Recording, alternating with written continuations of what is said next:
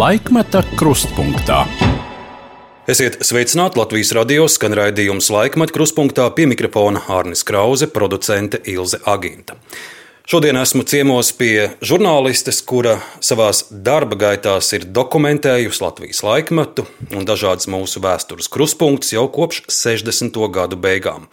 Droši vien maz ir tādu vietu Latvijā, kur viņa ar eh, diktafonu vai bloknotu nebūtu bijusi, fiksējot notikumus, ļaužu stāstus. Latvijas cilvēks. Un vēl arī viņas valoda, manuprāt, tā ir tik bagāta, skaista un krāsaina, kā ziedu pļava latgalē Jāņu pilnbriedā. Mana saruna šodien ar latgalieti, žurnālisti, publicisti, rakstnieci, reiz arī politiķi, arī pavāra grāmatu autori un eh, kāršu licēju, vienmēr eleganto un optimismu pilno Moniku Zīli, kur teikusi, ka viņu vienmēr ir interesējusi dzīve un dzīves faktu analīze. Monika, sveicināti! Nu, sveicināti, ja jūs mani piesakāt, kā latgalieti, varbūt man jārunā latgaliski tagad būtu. Vismaz varam sasveicināties latgaliski. nu, Lobaģīna. Lobaģīna. Lobaģīna Latvijas radījī. Monika, tagad ir moderni noskaidrot, eh, kādā informatīvajā burbulī cilvēks dzīvo. Nu, paradums strauji mainās, un tas tagad ir retums, ja kāds 20 gadnieks vēl lasa avīzi vai vakarā ziņas skatās televīzijā, bet eh, arī jūs esat moderna, ejat līdzi laikam, un es skatos, esat digitāla, redzu Moniku Zīli Facebookā, lasu Moniku Zīli Twitterī. Jā, ziniet, ar Twitteri es reizēm uh, saku tā, nu, tiešām no nu, vecā muļķa, taču pārstāja tur ar kādiem tur debatēt šajos sociālajos tīklos, un meita man palaikam saka, ka, ja es tā pārāk aizraujos, ka mani jāved ir pie tā, nu, ka narkologi tagad nodarbojas ar to, tā ir atkarība kaut kāda. Nu, es tiešām kādreiz pati par sevi pasmējos par, par, par par to. Mm, bet eh, nu, negribu sacīt, ka es šajos sociālajos tīklos tā dzīvoju nemitīgi, bet eh, nu, tur ir diezgan eh, tās atbalsis par to, kas, kas, kas, kas notiek, ar ko cilvēki dzīvo. Mm, nu, vai, vai tā ir tāda pilna asinsaina, ja tā varētu sacīt? Nu, diez vai. Jo Es arī neko tādu neesmu darījusi, lai tur vairotu sev tos eh, sekotājus. Twitterī man laikam ir pusotra tūkstoša tādu to lasītāju. Nu, parasti jau vairāk kaut kāds tur ir. Nu, Facebookā noteikti vairāk tur kaut kādi tūkstoši. Bet eh, tas ir nav, nav mans mērķis, absolūti nē. Sociālie tīkli tādā ziņā ir brīnišķīgi, ka tur, ja kādu vajag atrast, tad, tad, tad eh, vienmēr var. Jeb kuru cilvēku patiesībā pa to ķēdīti. Tu tikai iemet, eh, ka tev vajag tādu cilvēku atrast, un tā visa datu aizsardzība, ko tur, nu, tā sakot, piedāvā tev, tev viņu pasniegs un, un, un, un piegādās. Nu, Facebookā pat prezidentu var atrast un viņam uzrakstīt, ja ir kas sakāms. Nu, jā, nu, tas jau tāds, es nezinu, cik, nu, tas tā, tādā, mm, vai cilvēki. Uh, domā, ka viņi uzraksta prezidentam, vai tā ir prezidenta kancelējā sēž cilvēks, kas um, atbild uz šīm vēstulēm. Nu, es arī nedomāju, ka prezidentam vajadzētu tā, nu, varbūt viņš pārskatās vēstules, bet mani tas tiešām absolūti ne, neinteresē, kā, kā notiek ar prezidentu. Man uh, drīzāk kādreiz vajag Nu, vai kādu kolēģi bijušo, vai, vai, vai vēl kādus atrast, mm, kādus galus, kā tagad saka kādam cilvēkam, un tad sociālie tīkli ir, ir, ir brīnišķīgi. Par Twitter runājot, es paraudzījos, ka jūs pati sekojat uh, 286 cilvēkiem, un es arī papētīju, kam jūs sekojat, jums tiešām ir izveidots tāds pamatīgs, kā moderni saka, burbulis. Jums tur ir no pašiem liberālākajiem līdz, līdz konservatīvākiem nekā Saudārābijas karalis. Tas tā apzināti, ka jums ir visi flangi. Nē. Es pat droši vien, eh, nu, tur dažus tādus, kurus es pilnīgi skaidri zinu, kāpēc es, es sekoju šiem cilvēkiem. Bet tur ir tādi, man patīk vispār cilvēki, eh, nu, kuri asprātīgi var uz, uz, uz kaut kādām tādām nopietnām lietām, par kurām tur pārējie, tā sakot, matus plēšot, kas, kas, kas, kas var tur uh, pasmieties par kaut ko. Mm, mm, nu, piemēram, pagājušajā te kaut kad pagājušā nedēļa tāds ieraksts, viens uzraksta, nu kā notiek, Twitter tauta tur lūgums, lūgums man tagad uh, pasakiet, kur, kur kādu labu meistaru, pie kura var pasūtīt cirvi. Un uh, Nu, es tagad nesaukšu to, to uzvā, uzvārdus, ko nos, uzreiz viens uzraksta. Nu, tad um, uzmeklēt tāda un tāda politiķus tur nosauc, tāda un tāda vecākus. nu, tas tā varbūt, nu, uh, mazliet paprast izklausās, bet katrā ziņā tur ir tāda asprātība tāda. Man, man patīk asprātīgi cilvēki, un es arī uh, labprāt uh, piedalos um, tādās diskusijās, kur kāds ir par mani tā kā pasmējies. Es labprāt pati par to iesaistos, man patīk. Un vienmēr uh, tad. Kādreiz arī tā interesanti, kā cilvēki noreaģēja. Nu, ja kāds ir gaidījis, ka tagad es tur sākšu šausmīgi, tur, tur, tur nezinu, tur lamāties, taisnoties vai vēl kaut ko, es piedāvāju to nākošo, teiksim, to pakāpienu, kā, kā, kā es varētu par sevi pasmieties. Un tur, nu, teiksim, uzraksta, jā, nu, par kaut kas tur nepatīk, nu, vecums jau nenāk viens, es rakstu, jā, jūs ziniet, vecumam līdzi nāk tas, tas, tas, tas, tas, tas, tas. Un, un tādā, tādā ziņā, nu, šajā gadījumā, tomēr man par vecumu runājot, es, es tā, man ļoti patīk Rudolfa Blaumaņa Trīnes grēkos, nu, tur tā trīne, kas visu laiku viņa tā kā gribētu apprecēties. Un tajās mājās mazbērzoja, kas tas ir, tagad atbrauc Ābrams, nu, kā, kā parasti, un trīne viņam prasa.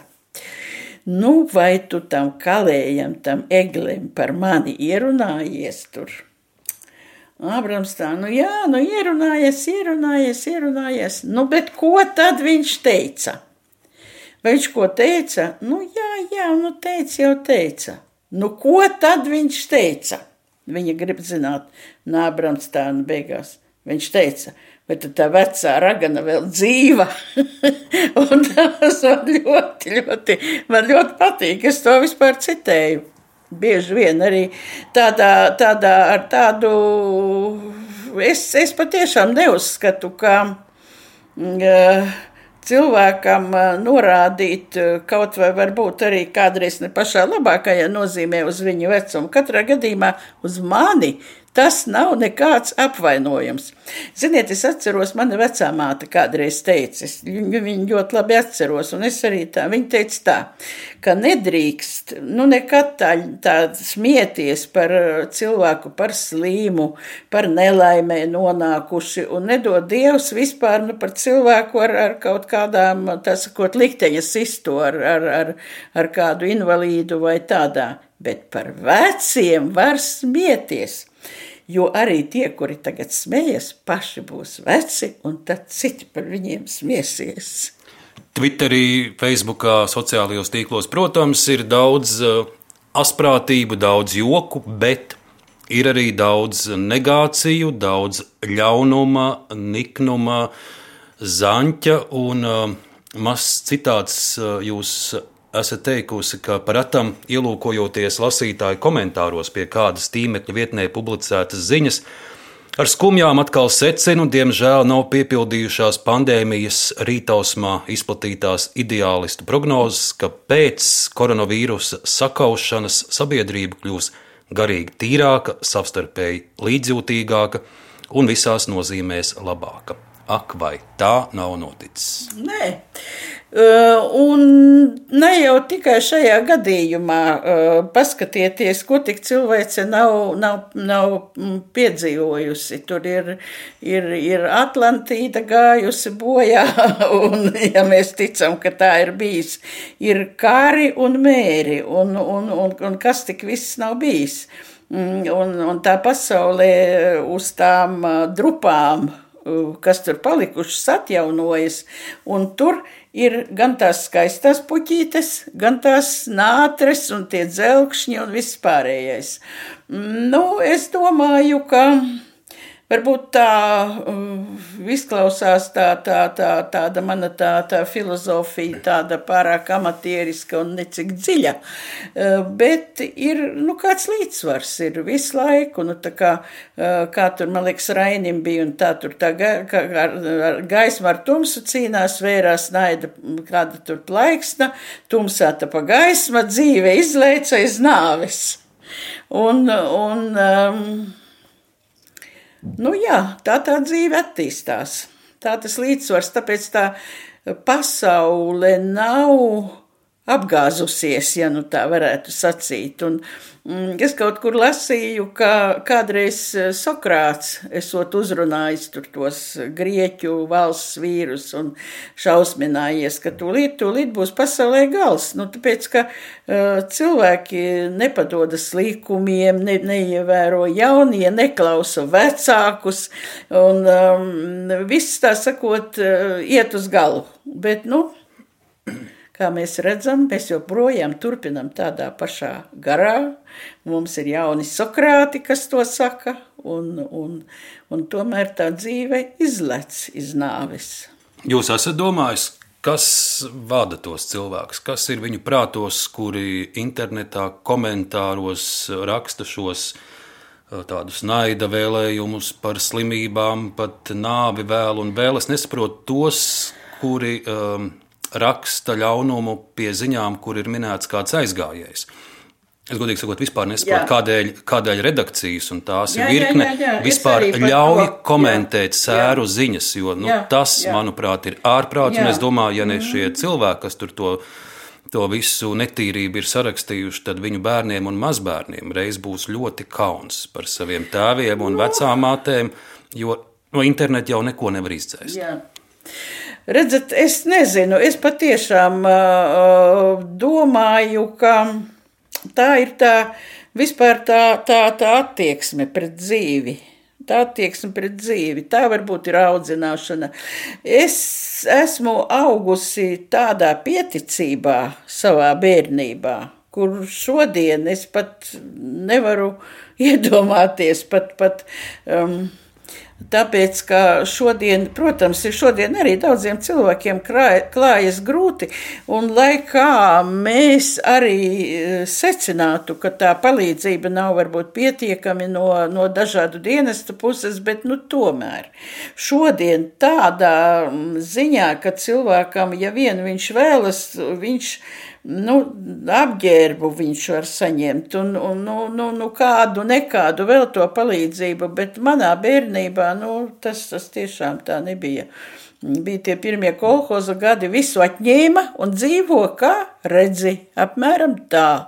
Un, un, un, un arī tajā laikā, lai kā tur mēs sakām, jā, toreiz izglītība, kā tur visi varēja skolā, tur bija jāiet un tā, bet negāja skolā, nebija ko vilkt kājās un nebija ko mugurā vilkt, un, un dažādi bija. Bet, nu, redzat, es domāju, tā attieksme pret dzīvi, es par to pieticību, ka tiešām, nu, ārkārtīgi, nu, mums tā ģimenē tā bija, ka tā sakrita tieši ar kara beigām, tur, tur slimības un, un nāves, un manai mammai, es nezinu, viņa tai saulē būtu nopelnījusi, ja tur, nu, ir kāda vieta, tad pašu gaišāko stūrīti un, un vislabāko, vislabāko attieksmi, viņa visus savus, es nezinu, tuviniekus ar ar, ar, ar, ar, ar, ar pati savām rokām ir, ir apglabājusi un, un, un, un, un viss no viņas um, šausmīgā darba, tā sakot, uz ko arī es varēju atspērties, bet nekad ar visu to, ar visu to lielo pieticību,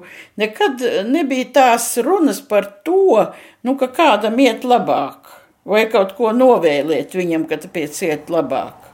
Nē. Gluži otrādi. Nu, vienkārši jā, vai cik es secināts, tur tam tas un tas un tā, un arī mm, nekad, un tieši tāpēc es nezinu, man, man, es negribu sacīt, ka es esmu ļoti tāds labs cilvēks, es varu būt neganta un nikna un dusmīga uz kaut ko, bet viena lieta, kā es, kā es saku vienmēr, man ir pārāk daudz sliktu raksturu īpašību, lai es varētu būt, atļauties vēl būt skopa un nenovēlīga. Tas jau būtu par, par daudz. Jo es priecājos, ja es redzu, ka man kaimiņš atkal jaunu mašīnu nopircis. Es tiešām priecājos. Nu, cilvēkam ir, ir viņš strādā, viņš, viņš uh, brauc ar saviem maziem bērniem agri no rīta, ved viņus kaut kur, es nezinu, pie aukles uz bērnu dārzu un, un vēl vakar atgriežas. Nu, kāpēc, lai viņam nebūtu? Nu, kad tad? Nu, par to, ka jūs priecājaties par mašīnu, to es varētu saprast, jo, cik es esmu dzirdējis, liela daļa jūsu stāstu jums pašai ir tapuši mašīnā vai stāstu aizmetņi. Bet eh, paliekot vēl pie eh, sociāliem tīkliem, eh, es vēroju, ka arī Covid laikā jūs mēģinājāt runāt ar ļaudīm, mēģinājāt arī ar kādu diskutēt. Es ar to mēģināju darīt, bet diezgan ātri atmetu roku, jo tas, tas likās bezjēdzīgi, jo pat, pat pie es vēroju, bija kāda ziņa pilnīgi neitrāla par, par, par, par bitēm vai par medu, un pat tur kāds iemanījās iespraust iekšā Covid, vakcīnas, maskas. Jā, jā, jā, jā, jā, tā kā tagad pēdējā laikā tu vari vienalga ko.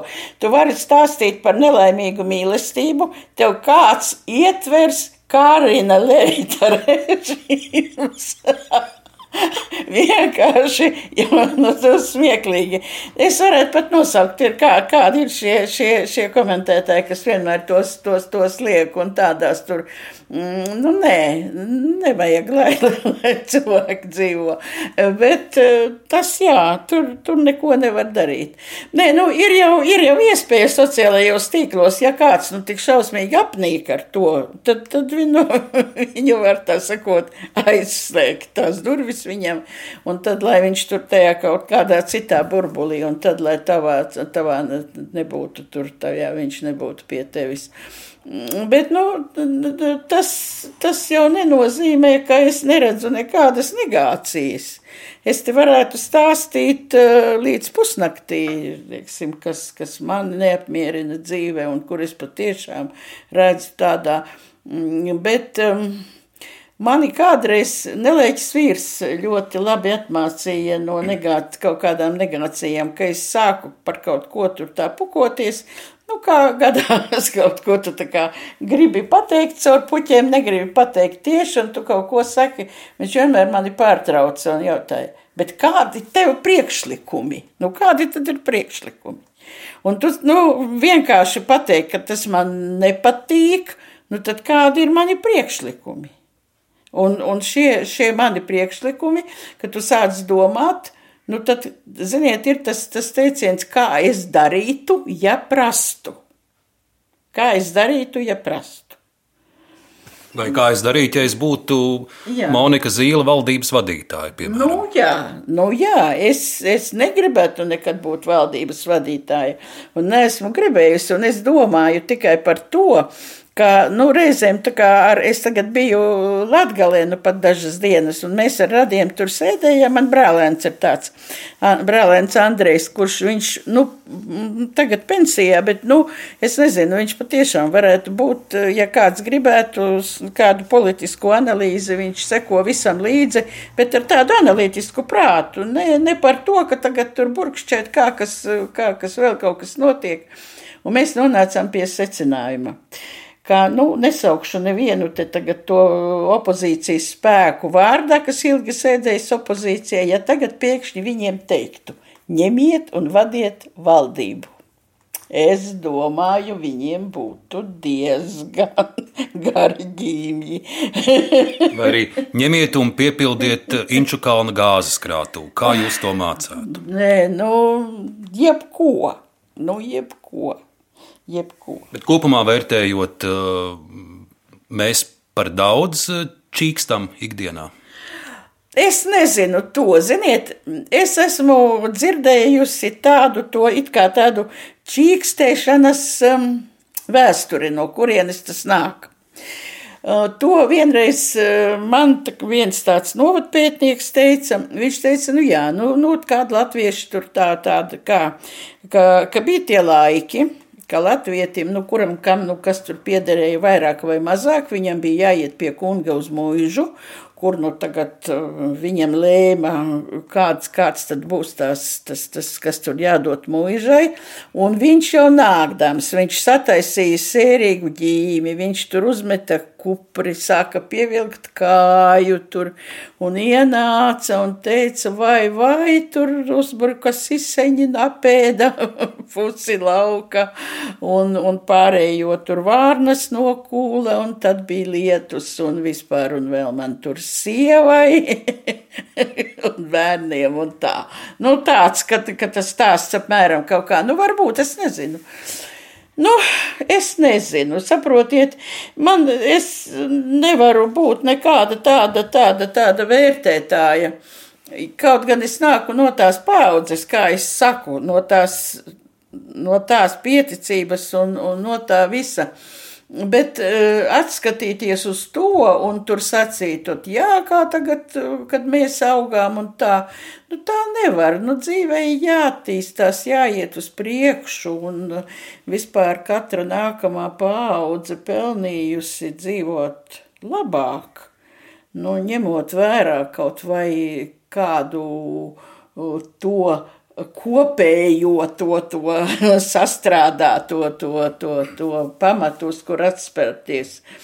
Nu, es nezinu, es domāju, ka vienkārši var būt, ka uh, varbūt biežāk ir jāuzdod šis jautājums, kādi ir priekšlikumi, ja mēs kaut ko kritizējam, vai mums ir priekšlikumi. Uh, un es domāju, tagad es nezinu, vai, vai, vai ir vietā runāt par to šobrīd, bet nu, pārmetot politiķiem, ka, uh, protams, politiķus kritizē visā pasaulē, un ir teiciens, ka valdībai ir tikai divi vērtējumi. Valdība ir slikta vai ļoti slikta. Citādi valdība nekur nemēdz būt. Uh, bet ir tāda lieta, ka Nu, šodien vai mēs atrast varam kādu cilvēku, kas tad, kurš tad balsoja par uh, to saucamo kaimiņa partiju izjukušo. Nu, 16, man liekas, viņiem bija tie deputāti. Nu, kurš tad viņus ievēlēja? Bet atrodiet kaut vienu, neviens taču neatzīsies, ja? Un tur tā lieta, tā nelaime, varbūt arī kāpēc uh, mūsu politiķiem tā, ka viņiem um, daudz reizes viņi domā, nu tad jā, man tur ievēlēs, nu tad kaut kā jau tur pa to burzmu. Nu, kā neprasa atskaites konkrēti. Ja, piemēram, nu, nu, ja es esmu balsojusi, nu, es nezinu, par, par, par Jāni Bērziņu no sava vēlēšana apgabala, tad, tad man būtu tiesības atzīstoties, ka es esmu balsojusi, nu, aizsūtīt pieprasījumu vai viņa frakcijai, vai viņa partijai, ka es vēlos tāda un tāda auditorija kopā ar domu biedriem dzirdēt, nu, ko tad Jānis Bērziņš tur tādu dara.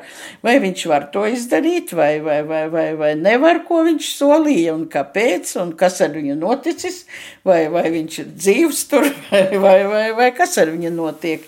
Nu, nu, lūk, tas tās tās lietas. Nu, bieži vien mums, nu, tagad mums vajag to, to, to vēlēšanu sistēmu, kur, nu, nav tā sakot, tur, lai vairāk tā personalizēt būtu. Bet, ja no šiem cilvēkiem tāpat ne, neatzīsies, kurš par viņiem balsoja un neprasīs tās atskaites, tad vienalga, kā tur suņi, kaķi. Visi varbūt sabalsot. 1. oktobris tuvojas, vai Monikai Zīlei jau ir pilnīga skaidrība, kam viņa dos savu balsi. Partiju, partiju neminēsim. Vai zinat, es jums teikšu tā. Es, es tagad man nāk prātā par, par mani ir apmēram tā kā savā laikā es tā piestaigāju kāršu salonā, liekot kārtas, man atnāca viena tāda kundze, tāda, nu, gandrīz manos gados, varbūt mazliet jaunāka. Un viņa teica, nu, man jau dzīvē viss tā kā kārtībā, man neko tādu diži nevajag. Es pavasaru pie meitas un znota pavadu, bet rudenī tad es atgriežos Rīgā. un tad uz ziemu es kādu paņemu.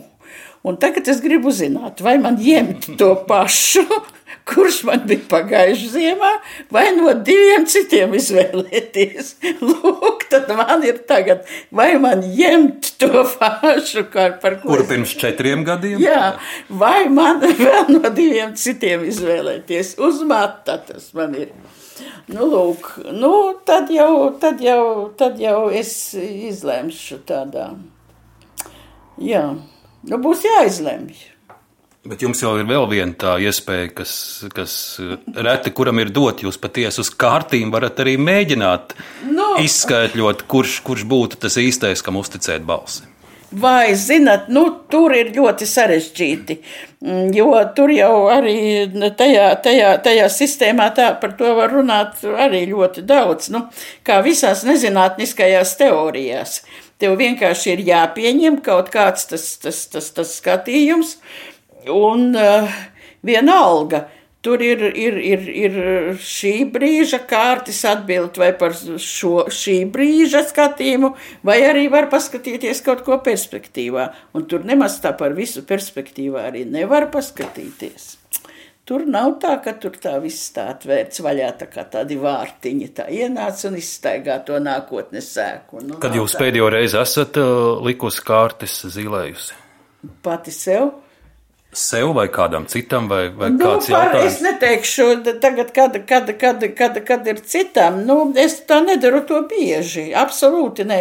Tā nav vienkārša lieta vispār, kaut arī, ja mēs to uzskatām, es neesmu nekāda viedā sieviete, ne gaišreģa, pasarg Dievs. Ar šīm, tā sakot, sev piedēvētajām īpašībām es nesirkstu, nav man tādu. Mm, bet, um, Redziet, kārtīm nepiemīt pašām par sevi nekādas tur brīnuma īpašības, bet, kā teicis mm, analītiskās psiholoģijas pamatlicējs Karls Gustavs Jungs, kas arī interesējās par šīm lietām, viņš arī tā teica, tur, tur nav nekāda, nekādas tur, tur burvestības, nekāda. Bet visā šajā rituālā, tajā, tajā um, seansā, ka, kas tur notiek, vienalga, kā tur tās kārtas liekšā vai šitādi, tur arī ir tūkstoši visādu paņēmienu. Ka tas cilvēks, ja vien viņam, nu, kuram tās kārtas liek, ja viņam vien pašam ir, tā sakot, tāds kāds loģisks, dīvainā kārtā, viņš iegūst pats šo atbildi uz savu galveno jautājumu. Un būtībā jau nu, normāls cilvēks taču vienmēr zina pats, ko, ko, ko, ko viņam vajag. Bet, Bet nav sev... bijis tā, ka, ka ļaudis arī pie jums ir gājuši, nākuši un prasījuši uz staro kārtīm, ko, ko izzināt, bet tas cilvēks jau sagaida to, ko viņš pats grib sagaidīt. Taču, protams, jā, un mēs taču klausām tikai tiem padomiem, kuri sakrīt ar, ar, ar, ar mūsu tādu, tādu redzējumu, vai tad kā citādāk.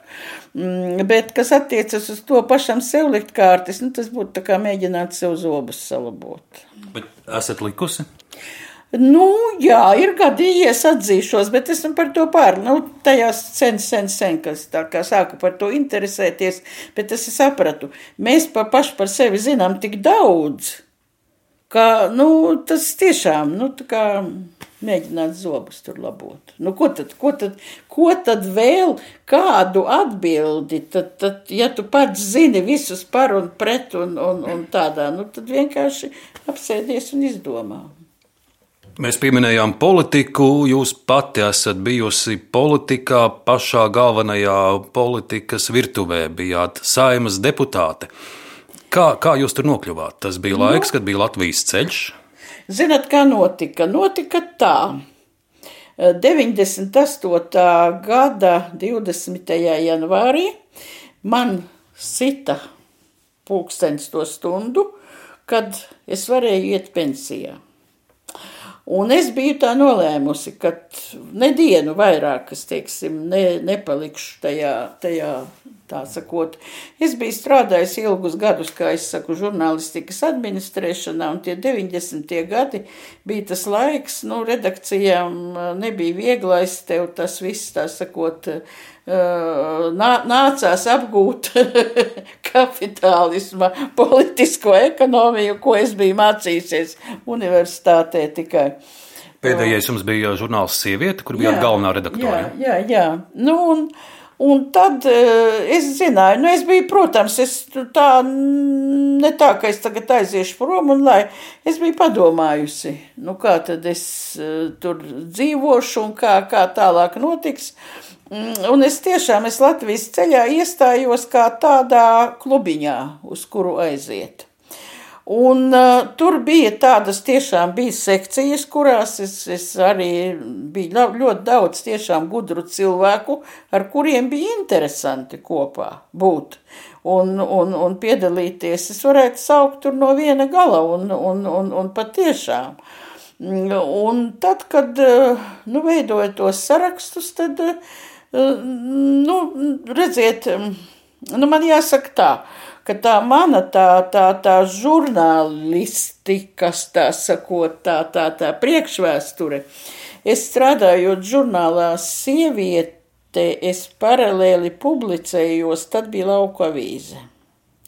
Un lauku avīze man patiešām bija, nu kā lai to saka, tā tribīne, ar, no kuras tad es, es uzrunāju, man ļāva rakstīt par to, ko es gribu, un to es darīju, es rakstīju diezgan bieži, jo, nu, sievietē tā auditorija bija citāda, un tāpēc eh, tajā sarakstā es biju vēlēšanu, tajā vidzemes vēlēšanu apgabalā ceturtais Gluži kā lokomotīva. Nē, nē, 14. Ah, 14. Jā, 14. numurs man bija. Nu, lūk, tā, nu, un, nu, redziet, ja tu esi strādājis aktīvajā žurnālistikā jau gadiem, gadiem, gadiem, tad visa tā, tā politiskā virtuve tev, nu, nav nekas jauns, tu apmēram to visu zini. Bet vienīgā lieta, kas man tiešām bija pārsteigums, par ko es, es biju pārsteigta. Uh, Nu, to arī cilvēki tā um, saka un raksta. Vajag pieņemt labus likumus, un, un tagad labus likumus un labus likumus. Un tad, kad es nonācu tajā virtuvē, kur tos likumus taisa, tad mani, es biju tādā sākumā mazliet pat tādā šokā, kā ir jāliek kopā visas tās skrūvītes, visi tie ritentiņi, lai būtu tā sazobe, lai tas mehānisms strādā. Tas ir gluži tā, kā ja jau ir pulkstenis, un sevišķi vēl, ka ir grozījumi tajos likumos, kad pulkstenis strādā, bet tev ir kaut kas jāieliek cits kaut kāda tā, tā, tā, tas, tas, tas, tas ritentiņš, un tas pulkstenim, viņam ir jāiet tam pulkstenim. Un, un tas ir, ir ārkārtīgi, tas, nu, reizēm arī tā, arī es to ļoti labi, es to zinu, tad, kad cilvēki, jā, nu, ko tad tai sājumā viņi tur dara? Viņi atnāk uz sēdēm tur divas stundas nepilnas vai vispār sēde ilga tur pusotru stundu vai stundu un neko tur, neko tā. Nu, ziniet, tajās sevišķi komisijās ar, ar, ar, ar, ar likumiem un tādiem, es, es esmu to redzējis tūplānā. Un, un, un tā kā, protams, arī ne, ne, ne, ne, ne, ne, ne visiem ir, un es arī um, zinu, varētu arī nosaukt ministrijas, uh, kuras parasti piedalās, teiksim, likumu gatavošanā un cik, cik profesionāli, neprofesionāli, un joprojām tas ir, es kā skatos, tad tāpat kā, kā bija tajā 2002. gadā. Un, un tādā. Es negribētu sacīt, ka es esmu bijusi politiķe. Nē, mums vispār politiķis, es apbrīnoju eh, cilvēks, kurš vispār nekad nav bijis nekādā saskarē pat ar, ar, ar kaut politiku. Tagad viņu ievēlē saimā, otrā dienā jau viņu sauc par politiķi. Nu, nav tā. Nu, es to vienmēr saku, ka manā uztverē politiķis, tā bija Margarita Tečere, kura 16 gadu vecumā sāka mazgāt glāzes savas, tā sakot, tās nākamās partijas tur birojā. Un tad izaug cauri tam visam, tur, tur, tur, tur ieeja visu to ķēķi, to pārzina. Nu, mums kaut kā tas pagaidām mm, nesanāk. Arī partijām, kurām ir jauniešu organizācijas bijušas, kaut kā viss tur ir nomiris, iznīcis, un, un, un tāpēc, nu, ir tā, ka reizēm, es nezinu, tur pagājušajās saimas vēlēšanās, vēlēšanās vēlēšanās, kad bija tur tie paziņojumi, cilvēks pēkšņi tā, eju politikā. Nu, tas ir kā eju sēnēs, ja? Nu, tad, kad viens, nē, nu šausmas, nu, tas man ir tā, es to skatos, tas tādi traģikomiski izklausās. Labi, Monika, par politiķu mēs jūs nesauksim, bet septītās saimas deputāti jūs bijāt. Un es pārlūkoju arī saimas stenogrammas, tās sēdes, kur jūs kāpāt saimas tribīnē un uzstājāties. Un izvēlējos vienu fragmentu, tā ir septītās saimas pavasara sesija 2001. gada 13. jūnijas. Saima izskata likuma projektu grozījumi izglītības likumā. Otrais lasījums debatēs piesakās arī Monika Zīle, frakcija Latvijas ceļš. Godājamais prezidija, godājamie kolēģi, es tomēr gribētu pievērst jūsu uzmanību tam, ka šajā priekšlikumā, it kā nevainīgajā, kā Mitrofānova kungs teica, Viņai ir paslēpta tāda diezgan labi saskatāma āža kāja. Tātad izlasiet uzmanīgi. Izglītības process, kura ietvaros latviešu valoda tiek lietota kā apmācības līdzeklis un kas nodrošina latviešu valodas terminoloģijas pilnvērtīgu apgūšanu. Tātad nevis latviešu valodas, bet terminoloģijas. Es domāju, ka ja mēs šo priekšlikumu atbalstītu, tas eh, vedina uz eh, acīm redzamu latviešu valodas kvalitātes pasliktināšanos. Un um, iesniedzēji gan uh, Mitrofānova kungs, gan Svinera kungs pietiekami labi paši pārvalda latviešu valodu, lai saprastu, ko tas nozīmē. Paldies! Aicinu neatbalstīt! Jā, nu, par valodas es biju tajā izglītības komisijā. Strād, un, un, un, un tad tiešām nu, tur mēs par visām šīm lietām jau toreiz es brīnos. Es, es tiešām brīnos, es bija kaut kāda dziesma pat tāda.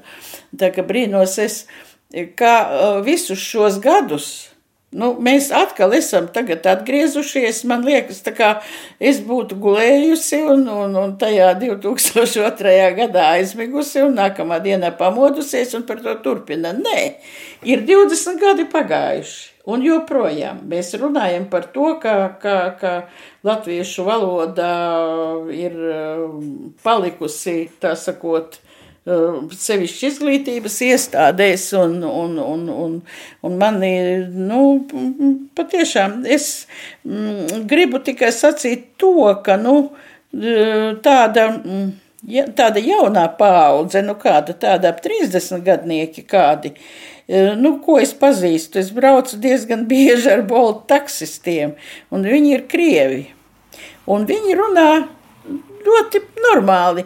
Un, ja tu cilvēkam vēl pasaki, kā pajautā, kur jūs tik labi iemācījāties runāt, un cilvēks sāk stāstīt, un, un tā, tāds, tā, tā, tā, tā motivācija ir tāda, ka, nu, nu, kad, nu, un, un, ziniet, atbilde man ir bijusi tāda dzīve piespieda, ja, nu, ka no skolā, nu, tur neko, un, un nebija arī tādi draugi, un ģimenes tur arī lokā nav, nav šie, šie, šie tātad latviešu kontakti bijuši. Bet, nu, kad tu tā saku, ka tev ir jāpelna maize, Un, kad tev ir tas pasažieris, tu esi atkarīgs no viņa, arī no, no, no, no tā zināmā mērā, tur arī no tās dzeram naudas un vēl tur.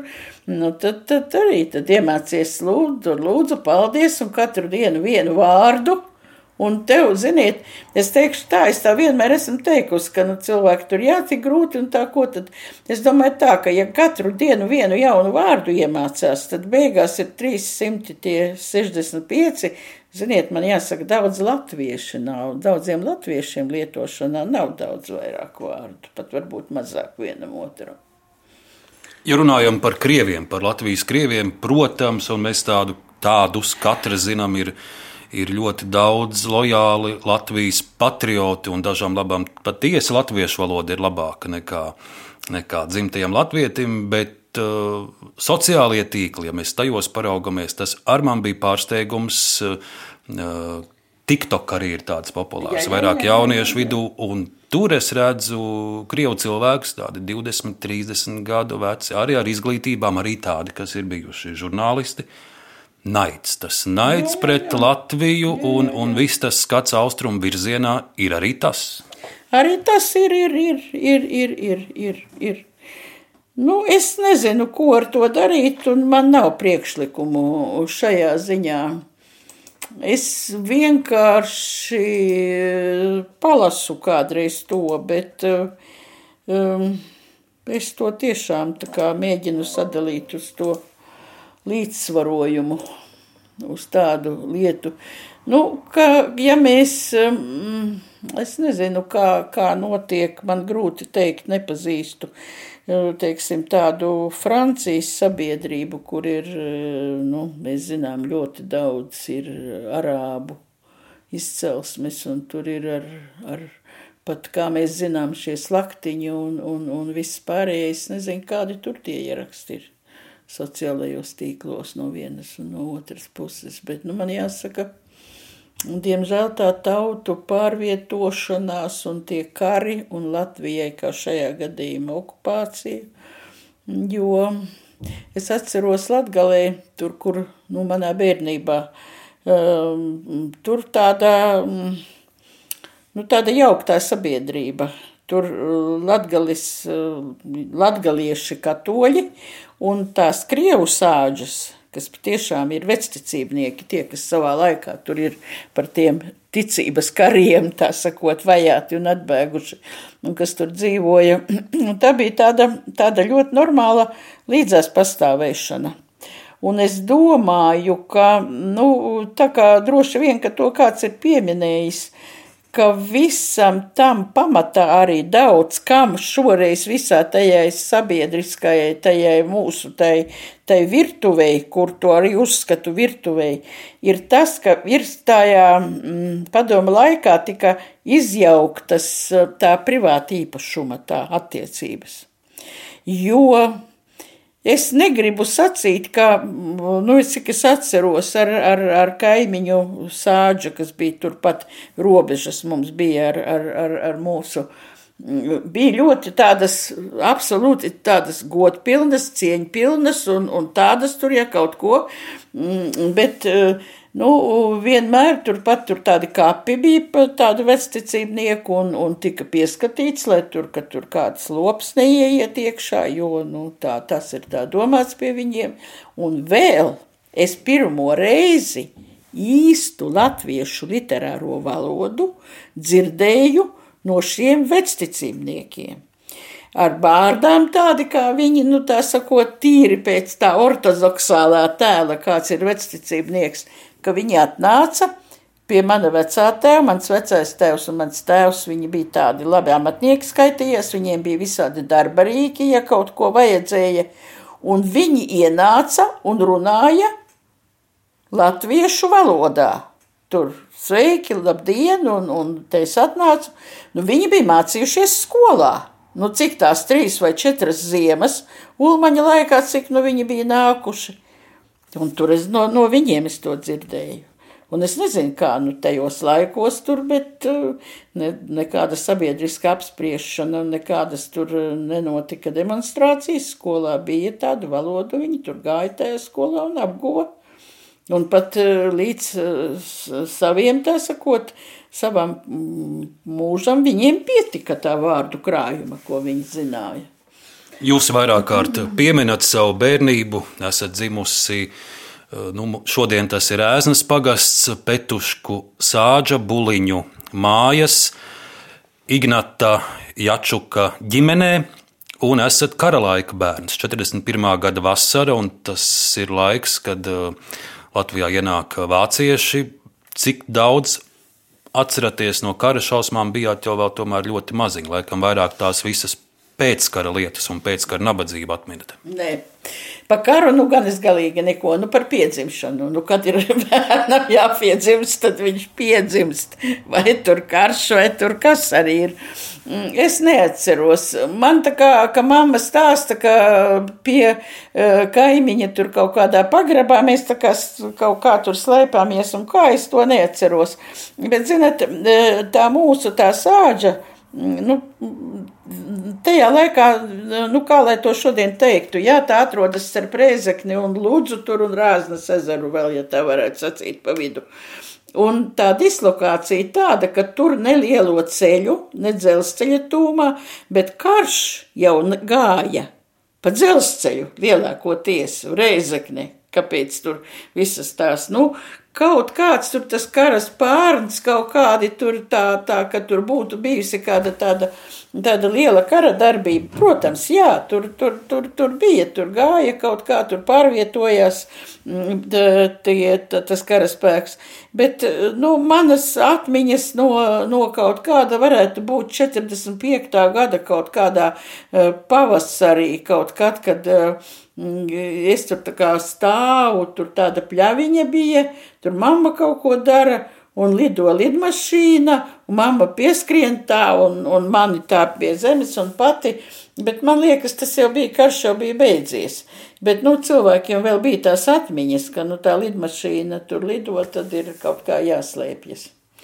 90. gadu sākumā jūs mēģinājāt uh, atgūt savu tēva zemi, un es lasīju jūsu rakstu, kurš bija diezgan liela arī tādu sarūktinājumu. Jūs atbraucāt uz savu dzimto pagastu, un jūs tēva zemē jau saimniekoja citi ļaudis. Ziniet, es par to, kas manā tēva zemē saimniekoja citi, es nebūtu, nu tā kā nu, bija tas breša zemnieku laiks. Un es jau par to esmu rakstījusi, ka uh, manam vectēvam piederēja 6,4 hektāri. Nu, piparbodi, ja tā varētu sacīt. Bet mans vecais tēvs, kurām uh, vispār bija, uh, nu, kā lai to saka, tāds vērīgs skats uz to, kā, kāpēc cilvēki tie, kas dzīvo labāk, un um, viņš arī noskatījās šo un to braucot vēl uh, pirms, eh, vēl, pirmā, vēl pirms Latvijas neatkarības, kad Latgali bija Krievijas sastāvā. Nu, kā tad Latgalis vīri, ko viņi darīja? Viņi vasarā Tātad apkopa tur to savu to, to, to, to zemīti, kāda nu tur bija pagādājis sievai kārtējo bērnu, un tad tāda blice brauca uz Somiju. Somija arī bija cariskās Krievijas sastāvā. Un tad uh, viņi tur cirta mežus un, un, un, un cēla mājas, un pie viena paskatījās, kāpēc tas soms, kuram arī nu, tur tāda tā zeme nav nekāda tur uh, dievzemīte, kāpēc viņš dzīvo labāk. Un tajā mūsu, tajā mazajā zemītē, kad arī tēvs ieprecējās 39. gadā, mans tēvs bija gātnis pie mammas, tā sakot, Un uh, tēvs arī bija savā laikā gājis pa vasaras puisi vidzemē grāvis rakt sevišķi. Tāda latgals puiši dušīgi un strādā. Viņš paskatījās, nu kā, kā tu to grāvi roka? Kāpēc, kā tā zemes ierīcības pamatus, ja tā varētu sacīt. Un no tā vispār tai mūsu sāģā veidojās tāds viedoklis – ka nu, mans vecais tēvs bija uh, Antons Buļs, ka Antonam Buļam ir labākā zeme tajā sāģā. Nu, tas, ir, tas nav iespējams, jo nu, tā tur bija, tur, kāda tur bija, tur bija kalns, kas tur aizkalta. Un putēja, kad lejā bija ūdens un vēl viss kas, bet nu vispār tā kopšana, tāda cenšanās tur mēslot un pieskatīt, un, protams, kad sākās tā breša zemnieku laiki, tad kaimiņš viens, kurš tā sakot, nu es nezinu, tur viņš to zemi pieprasīja. Bet uh, Es jau, man patiešām joprojām, es domāju, ka tas ir ārkārtīgi tā negodīgi zemes komisijas toreiz. Tas neesmu vienīgā, kas to piedzīvoja, kad es atbraucu ar tiem dokumentiem uz to pagastu. Uh, Nu, ka tur tā sakot, man tos dokumentus pieņēma tā steidzīgi, steidzīgi. Es teicu, ka varbūt vēl tur vajag kaut ko, jo mamma bija saglabājusi visus dokumentus, kādus nu, par to zemi, kas varēja būt. Nē, nē, nē, nē, nē. visu te izskatīs un, un paskatīsies. Nu, vienkārši būtu man pateikuši skaidri un gaiši. Ziniet, tā notika. Pieprasīja tas breša zemnieks, viņam iedalīja. Tad jau tajos laikos vēl tur tās zemes pārvietoja. Tur varēja kaut kur citur. Un, un arī nu, nu, tādā, es nezinu, nu, man ziniet, es vispār ne, e, neesmu nekāda ezotēriķe, absolūti nē. Un arī eh, tām karmām tā nepārāk eh, ticu, bet man liekas, nu, ka tiem ļoti daudziem, kas tajā laikā bija tajās vietējās zemes komisijās, tad viņi ar tiem lēmumiem ir sakrājuši grēkus savām nākošajām septiņām paudzēm. Nu, tur stāsti. Jūs saprotiet, es uzrakstīju par to Latvijas avīzē, tiešām man bija raksts tēvu zeme. Kādus gadus, es nezinu, piecus, sešus uz to rakstu nāca atsauksmes. Un, nu, protams, tur bija arī dažādas, kur, kur, kur noteikti nebija pamatots, un arī tāda, bet tur ļoti daudz bija tādas. Tādi stāsti apmēram nu, tā kā, tā kā manējais, un arī, un arī vēl, vēl, vēl, vēl visdažādākie. Bet, nu, es tā nezinu, vai es gribu piedzīvot un, un dzirdēt, kā tas zemes komisijas priekšsēdētājs, kas tur man vēlāk uzrakstīja kaut kādu samudžinātu atbildi, lai viņiem kaut kā vai viņa bērniem slikti klājās. Nu, nē, tā nu nav. Runāsim par gaišo, par to, kas eh, arī atmiņās ataust no petušku sāģes, no tēva mājas. Un viens stāsts, kur es gribētu jūs izprasīt, ir par eh, pirmo mīlestību desmitajā klasē. Un, nu, man ir tik daudz informācijas, ka tai pirmajai mīlestībai treknu strīpu pārvilka kaimiņu bite. Tā bija. Nē, nu, mīlestībai nepārvilka tikai tādam randiņam. Jā, man jāsaka, jā. Nu, ziniet, nu, kas tad tagad? Tagad, tagad, dievs, saka, dievs, mobīlo telefonu laikā un vispār, nu, taču viss notiek. Iepazīstas ar SMS un izšķirās, pat laulības izšķira, kur tu par kaut kādiem tādiem. Bet tad jau, nu, kā, nu, vajadzēja, nu, tagad uh, nāks skolas brīvlaiks, nu, tagad šķiramies, tai mazbas un tāda, un tagad, nu, tiek sarunāts. Pag, nu, sāksim ar to, kā to pirmo brūtgānu sauca. Nu, viņu sauca Staņislavs. Staņislavs, lai viņam vieglas smiltis, viņš ir bijis laimīgi precējies pēc tam, un viss, nu, viss kā notiek.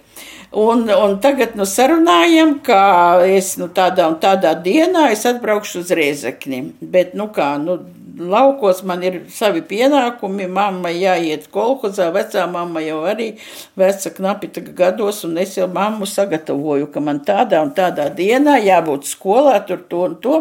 Nu, skolā svēta lieta, viss tā tas notiek, un tagad es jau tur tā gatavojos, un nu, kāds nu tur būs. Nu, es aizbraukšu uz to rēzekņu, aiziesim tur pasēdēt tā, kaut kādā tur skvēriņā vai vēl kaut kur. Pat kafejnīca toreiz nebija. Nu, ko, ko tu vari, nu, nekas tur tāds. Bet, nu, vienalga, nu, nu randiņš paliek randiņš. Un tagad ir mamma tur tāds mums gar dārzu, bija tā kā tāda, tāda, tāda zāles, tāda, tāda josla, mamma siena tur sapļāvusi. Ja mēs to sienu tagad tur grābjam, un nākošā dienā man tas randiņš, un es jau tur tāda, tāda lidoju. Pamākoņiem, ja? Jā, jā, jā, jā, jā. Un tieši tā pāri kaimiņa bitēm ir ceļš, un man džinks virs uzacs.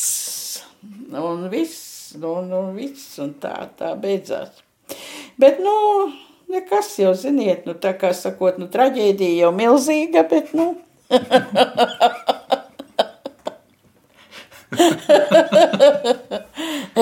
Bet toreiz diez vai jums nāca smiekli. Nē, ko jūs, nu, nu tagad es teiktu, kā ziniet, es neatceros, kurš ka, kaut kuras personāžs, kas ir teicis, trāģiski tas bija, nu, šausmīgi trāģiski, jo galvenais, tu jau nevar arī tā kā paskaidrot neko, nu, kam te tu ko paskaidrosi, tas nav iespējams arī.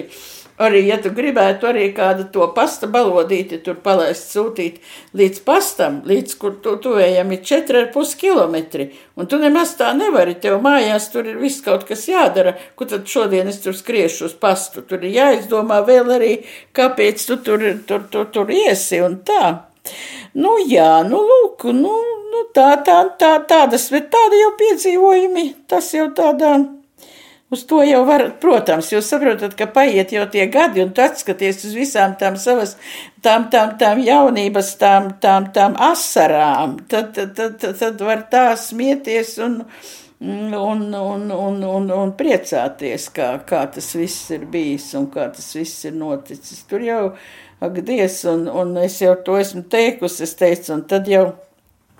Nu, kā nu Latvijā, nu, šodien jau vairs to nepazīst. Vēlāk jau nāca vietā diskotekas, bet tad jau bija tās tādas balles par večerinkām sauca. Vakarā tiešām tur kaut kādā vietā tiek izziņots pie kādas mājas, tur labākā gadījumā kaut kādā šķūnī, bet ne tur arī kādreiz kaut kādā pagalmā visi danco putekļi un, un, un, un, un, un, un, un viss tur tā notiek. Un nu, tad jau bija ļoti liela, nu, nu, tas jau kaut kur bija jāiet, tur gabalā kādreiz tādi, un nu, vakarā tas pašā notiek, un atgriežoties. Un tad bija liela veiksme nolūkot kādu brūdgānu, kurš ar riteni atbraucis. Nu, tas tāda liela veiksme. Ka kādreiz tas brūdgāns nu, bija tā, tā, tā, nu nekā, bet ja viņam ritenis tad aizved uz mājām, nu tad, tad nav ko. tad ir jāņem. Nē, nu tad uz to vakaru tad ir jāņem.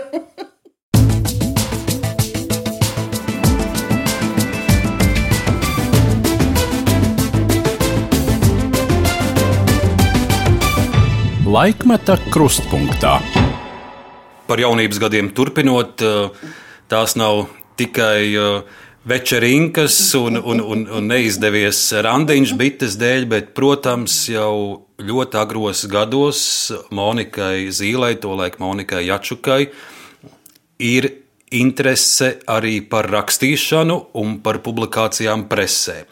Un, uh, Nacionālās bibliotekas arhīvā es atrodu, ka pati pirmā publikācija, kur ir minēts jūsu vārds, ir 1954. gadā, tolaik jums ir 13 gadi, un publikācija ir laikrakstā Pionieris. Tātad Jā. uzreiz jau šaujat uz, uz, uz Republikas no, nu, lielo laikrakstu, nesākat ar, ar vietējo. Un lūk, publikācija ir šāda. Mums raksta. Sesdien, atvadoties, pionieri atgādināja cits citam: neaizmirstiet, ka rīt talka. Svētdienas rītā jau agri skolas pagalmā valdīja dzīva rosība. 5, 8 un 7 klase bija ieradusies pilnā sastāvā, devāmies uz kaimiņu Koltshoza linu lauku. Strādājām draudzīgi, cits citam palīdzēdami, spraiga sacensība izvērtās starp pionieriem, te ir vesela virkne minēti. Pirmā savu darbu veica Lidija.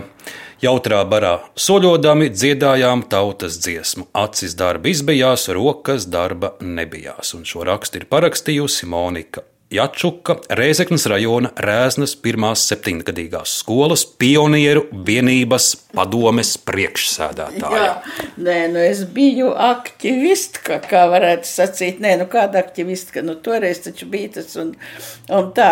Bet, eh, ja nu runājam par tiem visiem tiem darbiem kolchozā, kā saka, es jau to esmu vienmēr teikusi ja eh, šodien visi mūsu tie bērnu tiesību sargi būtu eh, noģībuši, kā, kā, kā toreiz eh, bērniem nekāda tur ne, ne tur kāda drošības tehnika, ne tur kādā vispār ne kāds ne drēbes, ne tur ne, ne, ne apavi, ne vienkārši tev pateica jāiet tos linus plūkt. Nē, nu vienkārši nu, tā kā barā jau sava jautrība, nu bet eh, vispār jau tas tā briesmīgi, jā. Un nākamā jūsu publikācija jau uzreiz ir arī 54. gadā. Turpat pionierī raksta nosaukums Laimīgā diena. Trīs mūsu vienības pionieri - Lidija Lukša, Helēna Vindača un Vitālijas Skutāns - izteica vēlēšanos iestāties komjaunatnē. Beidzot pienāca sengaidītais brīdis kopā ar skolotāju Romāno. Mūsu biedri devās uz Komjaunatnes rajona komiteju. Ar nepacietību gaidījām nākamo dienu.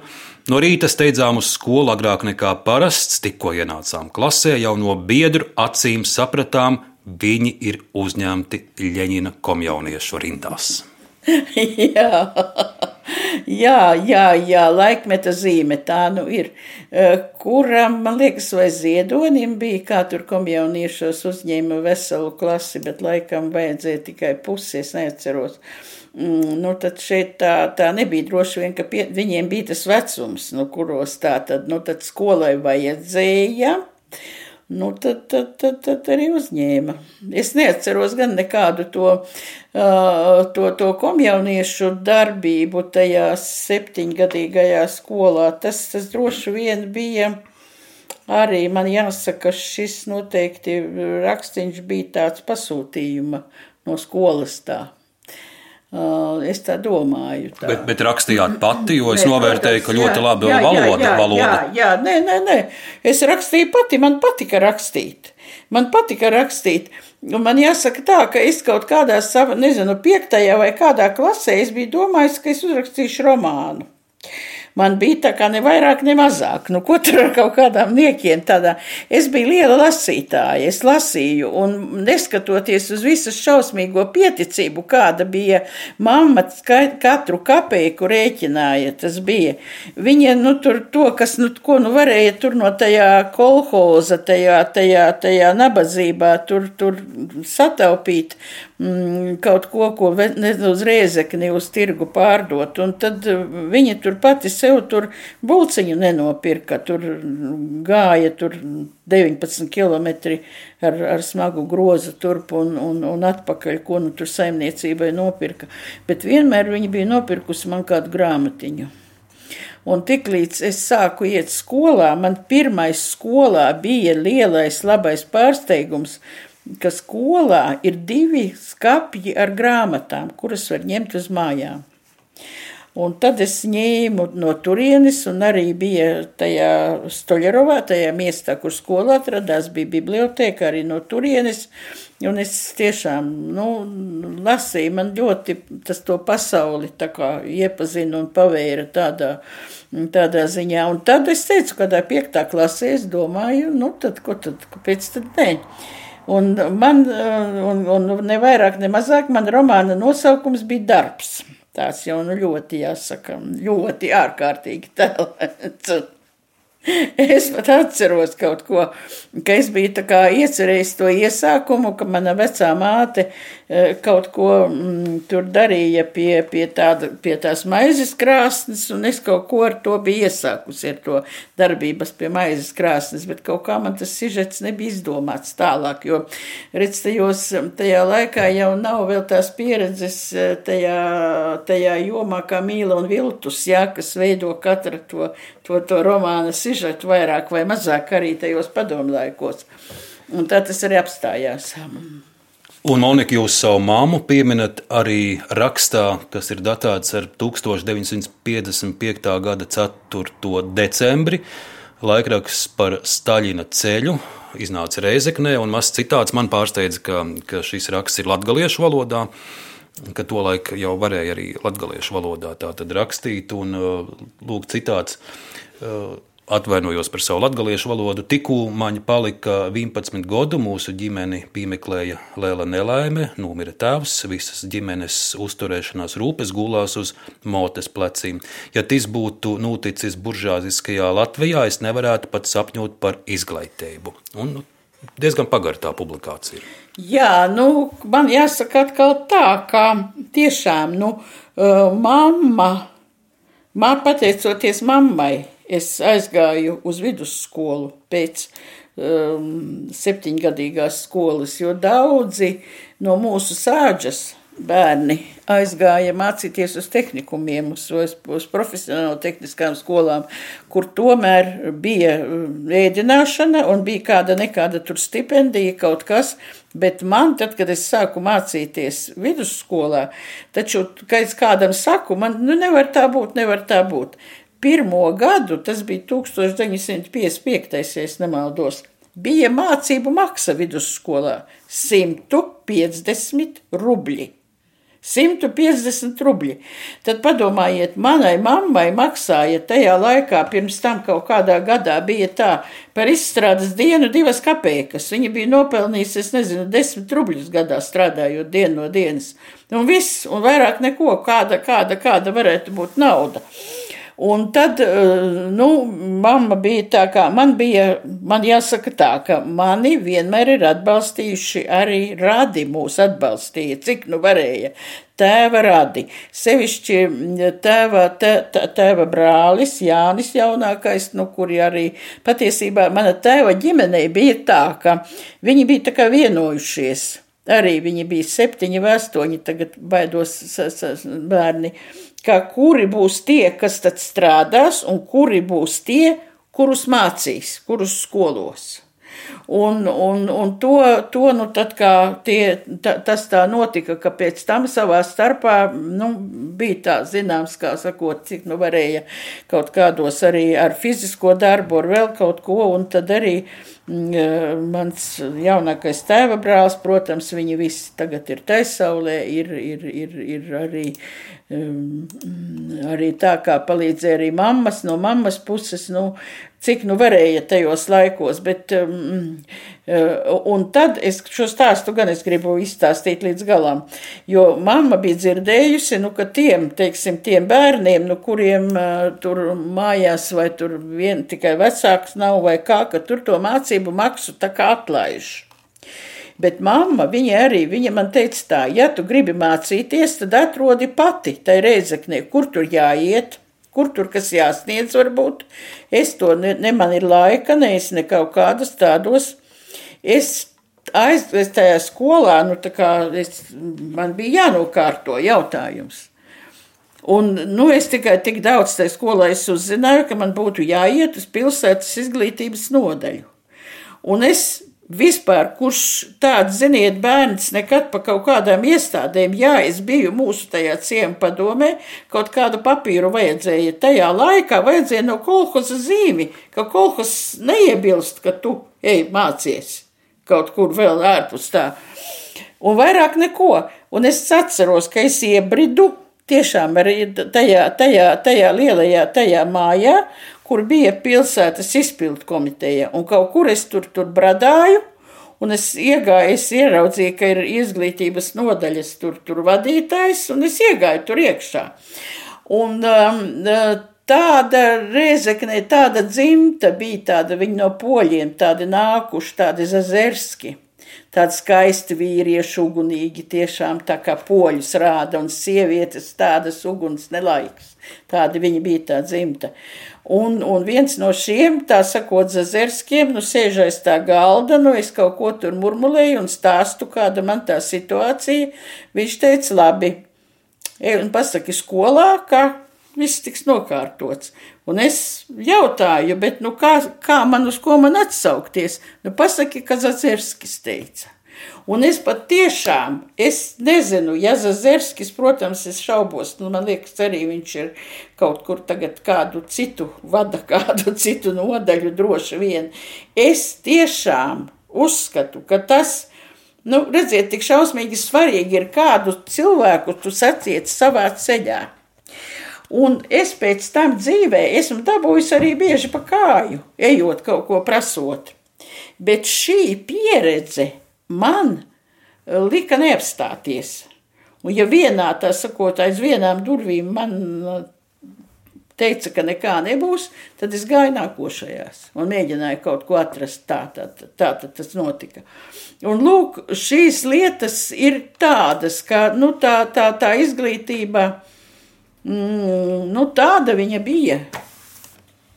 Un, Monika, jūs arī dodaties tālāk. Jūs pabeidzat Reizeknes eh, pirmo vidusskolu, jūs pabeidzat Latvijas Universitāti, Vēstures un Filoloģijas fakultāti, žurnālistikas nodaļu. Un mēs tagad pārliksim vairākiem gadiem uz priekšu. Es arī Nacionālās bibliotekas arhīvā palūkojos, kura tad ir uh, jūsu pirmā publikācija, kur jūs jau parakstaties kā Monika Zīle. Reizeknē jūs satikāt savu dzīves biedru Aivaru Zīli un tad pārcēlāties 60. gadu vidū, ja es saprotu, uz saldu. 62. gadā. Un arī saldus laikrakstā Padomju Zeme ir pirmā jūsu publikācija, bet tā nav pat publikācija, tā ir, tā ir dzēja Monika.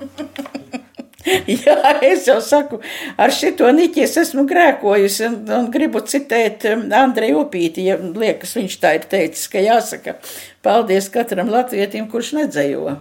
Un kā, tā, kā, tā, kā, tad, kā tad bez dzējošanas, un sevišķi vēl jaunībā, tad, ka nāk visas, tiešām visas tās, tās, tās, tās rozā migliņas un, un, un viss tas pārējais. Tādā, jā, tur bija literārā apvienība, kuru vadīja pazīstamais literatūra kritiķis un tāds grāmatmīlis un Valdemārs Ancītis. Un tur, tur, tur, tur tad mēs dzējojām.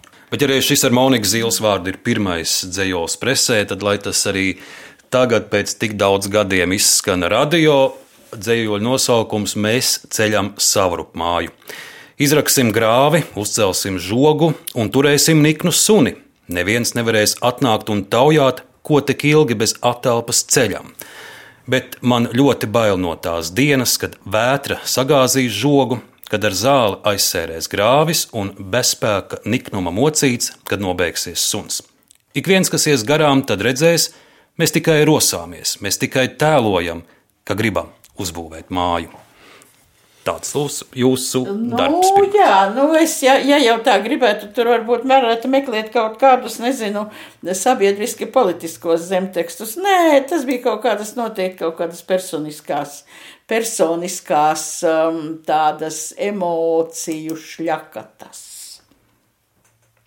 Tajos žurnālistikas sākumos, cik eh, daudz bija iespēju publicēt dzēju, cik daudz bija arī tās nodevas, kas nu tajā laikā bija, cik daudz bija jāraksta par komjauniešiem, partiju, darba varoņiem un vispārējo. Nu, tādā rajona presē jau neko tur daudz bija literārā lapas puse. Katrā tā sevi cienošā tādā rajona avīzē, kur bija šie literatūras amatieri, ja tā varētu sacīt. Bet, um, Bet cik jums daudz pašai bija jāraksta par šiem darba varoņiem, par komjauniešiem, redzat, par partijas jums, veterāniem? Jā, es jums teikšu tā, ka saldo es biju tikai korektori. Un neko jau daudz es tur tādu, ja es kaut ko tur uzrakstīju, uzrakstīju, nebija tādas. Bet tad, kad es, mēs pārvācāmies uz Liepāju, 67. gadā man vīram piedāvāja darbu par redaktoru vietnieku Liepājas rajona laikrakstā Ļeņina ceļš. Un es, es biju par nu, korespondente rūpniecības nodaļā, laikrakstā komunists. Nu, tad rūpniecības nodaļā tur es tiešām dabūju redzēt vēl, nu, kā tagad, kā, kā teikt, par ko. Jo, nu, nu, nu es un rūpniecība, nu, tā tur. Bet, nu, paldies Dievam, tas, tas, tas nebija ilgi, nu, tur gan vajadzēja, tur, tur darba varoņi un viss pārējais, un, un darba uzvaras, un, un tādas kaut kāda. Nu, kaut kā jau mēs tur, tur ņēmāmies, bet tā iekšējā atmosfēra redakcijas bija Liepājā vispār ārkārtīgi tāda, nu, nu tāda, tāda, tāda, tāda ļoti radoša, kas, kas būtībā bija tā, ka, nu, tās nodevas, kas bija tajā, um, tā sakot, atrakstītas, un, un, un tad pārējā viss tā iekšējā dzīve tur bija tāda, ka bija žurnālisti, teātrā aktieri liepājas, mākslinieki, arhitekti, tas, tas viss bija tāds, tāds, tāds radošā, tāda, tāds, tāds kodols, un tad tur visādas performances un, un dažādi tādi, nu, nu, nu aizpildījām laiku, tā sakot, izklaidējāmies, kā mācējām paši ar sevi. Par šo liepājas periodu, periodu es lasīju, liepājā bija tas leģendārais vāgūs, kur dažādi radoši ļaudis pie fotogrāfa Ulžbrieda brieži pulcējās, Un es izlasu, ka starp tiem ļaudīm ir pieminēta arī Monika Zīle. Monika Zīle kā, kā bohēmiste liepājā, kā tā? Nē, nu tu jau cilvēks nemaz citādāk tur nevarēja galīgi. Tev tā kā tu, tu varētu, teiksim, nu tas ir apmēram tagad, nu varbūt nav labi tāds salīdzinājums ar to covidu. Tu jau negribi aplipt, bet ka tu visu laiku tu tur tajā, tajā visā tajā murcies, tad tur gribot, negribot, ir arī kaut kādas lietas, kas tev patīk visā tajā bohēmā, ir kādas, kas nepatīk. Un es tajā tagad to Anģela grāmatu, es viņu pat taisos kaut kad pakomentēt. Man visu laiku viņa nolikta ir. Un tur jau viņš tā ļoti saudzīgi par mani izsakās. Viņš par tādu gandrīz mani tādu, tādu progresīvu bohēmisti. Es jau negribu melot pret patiesību, ka es saku, es jau drīzāk biju bohēmas policiste. Jo man uh, reizēm tur apnika visi, visas tās, tās bohēmas, te es gāju tur, tur, tur, tur. Un, uh, Ievedāt kārtību. Nu, ko nu tur kādu kārtību varēja ievest, tur jau cits jautājums, bet, nu, nē, nu tur tiešām, nu, tur varētu stāstīt visu viss tie, tie, tie, tie, tie tās, tās, tās, tā sakot, um, tas, tas radošums, un, un, un ja tur tā, tagad tā pala, palasa, un tad, tad liekas, ak, Dievs, ak, Dievs, nu kāda tur bija uzdzīve, kādas bija orgijas, nu kādas muļķības, naudas taču nebija. Mēs tur nu, nu, nu vienkārši tur, tur ņēmās un, un, un, un es saku, uzjautrinājās, taisīja paši ar sevi teātri un, un, un, un, un par to priecājās un no tā, tā sakot, pārtika, jo vajadzēja kaut kādu līdzsvaru tam, tam visam, ko mēs to, to, to laiku rakstījām avīzē. Nu, nu, nu, nu tā bija. Nu. Visas tās padomju un partijas lietas arī. Jā, nu tur, jā, jā, nu tā tas bija, jā. Tur Paralēli žurnālistes darbam 80. gadu sākumā jūs rakstat arī, sākat rakstīt arī stāstus, un Latvijas radiofonotēka ir saglabājusi vairākus. Es piedāvāšu jums noklausīties fragmentu no stāsta Zilgme Olgas Dreģes lasījumā 1984. gada ieraksts.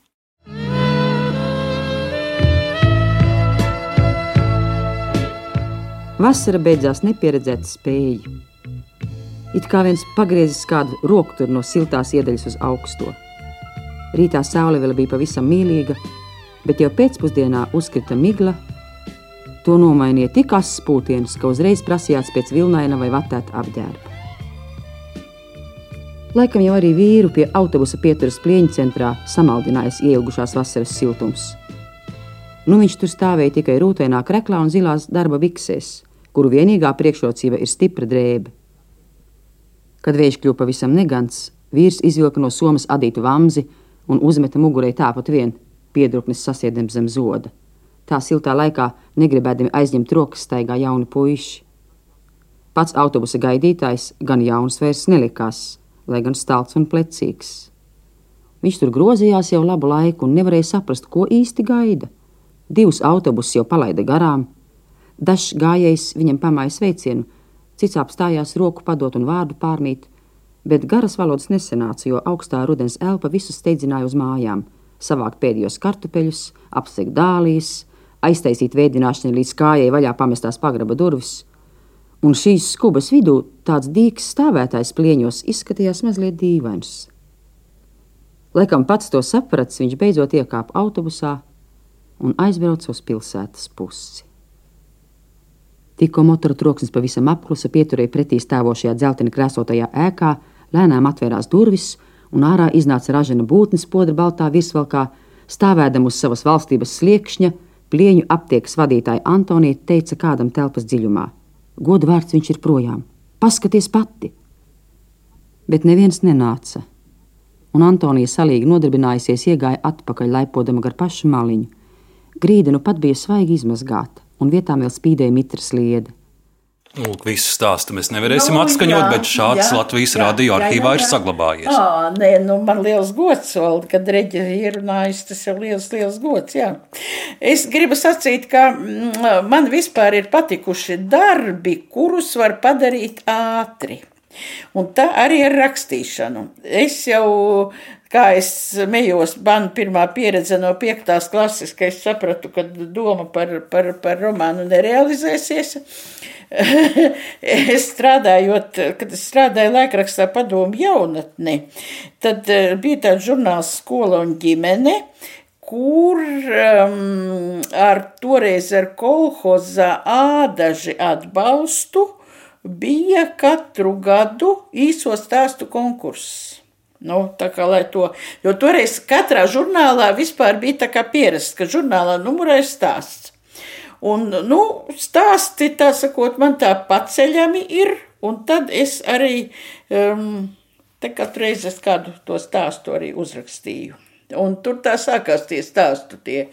Un uh, patiesībā es nebiju domājis, ka es varētu rakstīt romānu. Man, es esmu diezgan tāda nepacietīga, principā. Man vajag redzēt tā kā sākumu un galu.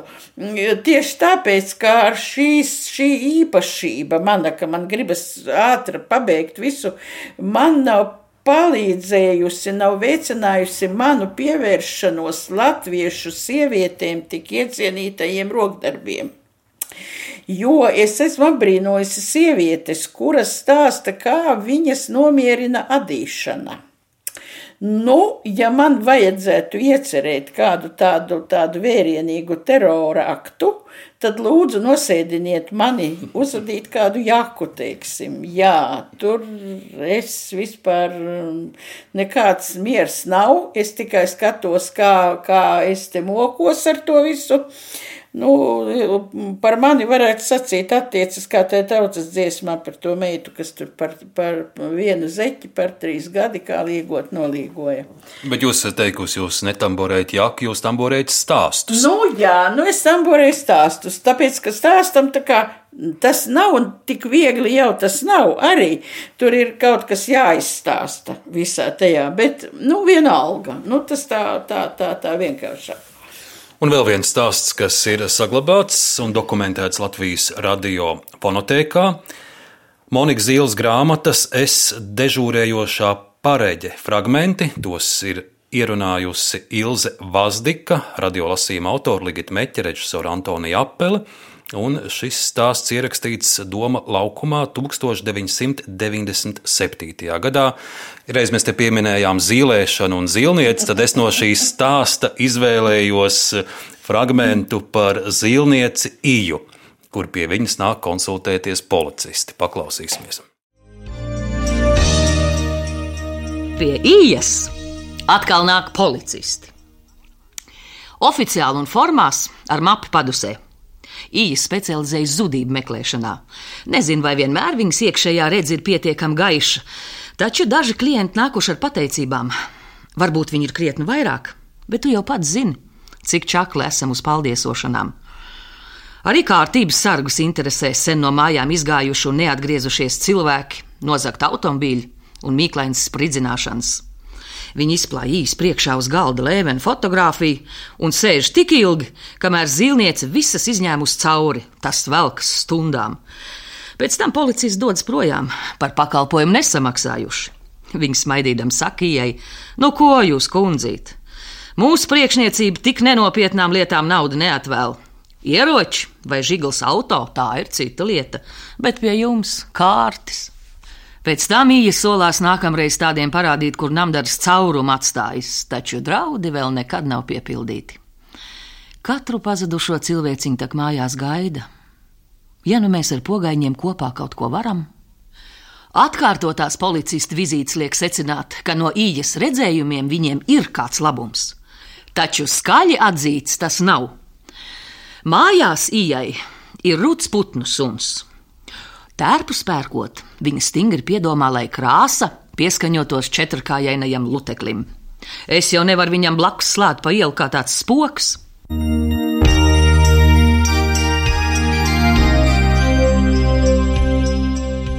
Nu, tālāk jau sako stāstu stāsti, bet arī šāds par īju, pie kuras nāk konsultēties izmeklētāji. Jā. Tas ir no dzīves, varbūt arī kaut jā, kas tāds. Jā, jā, nē, es, es piesta, redziet, mm, tad divos vārdos.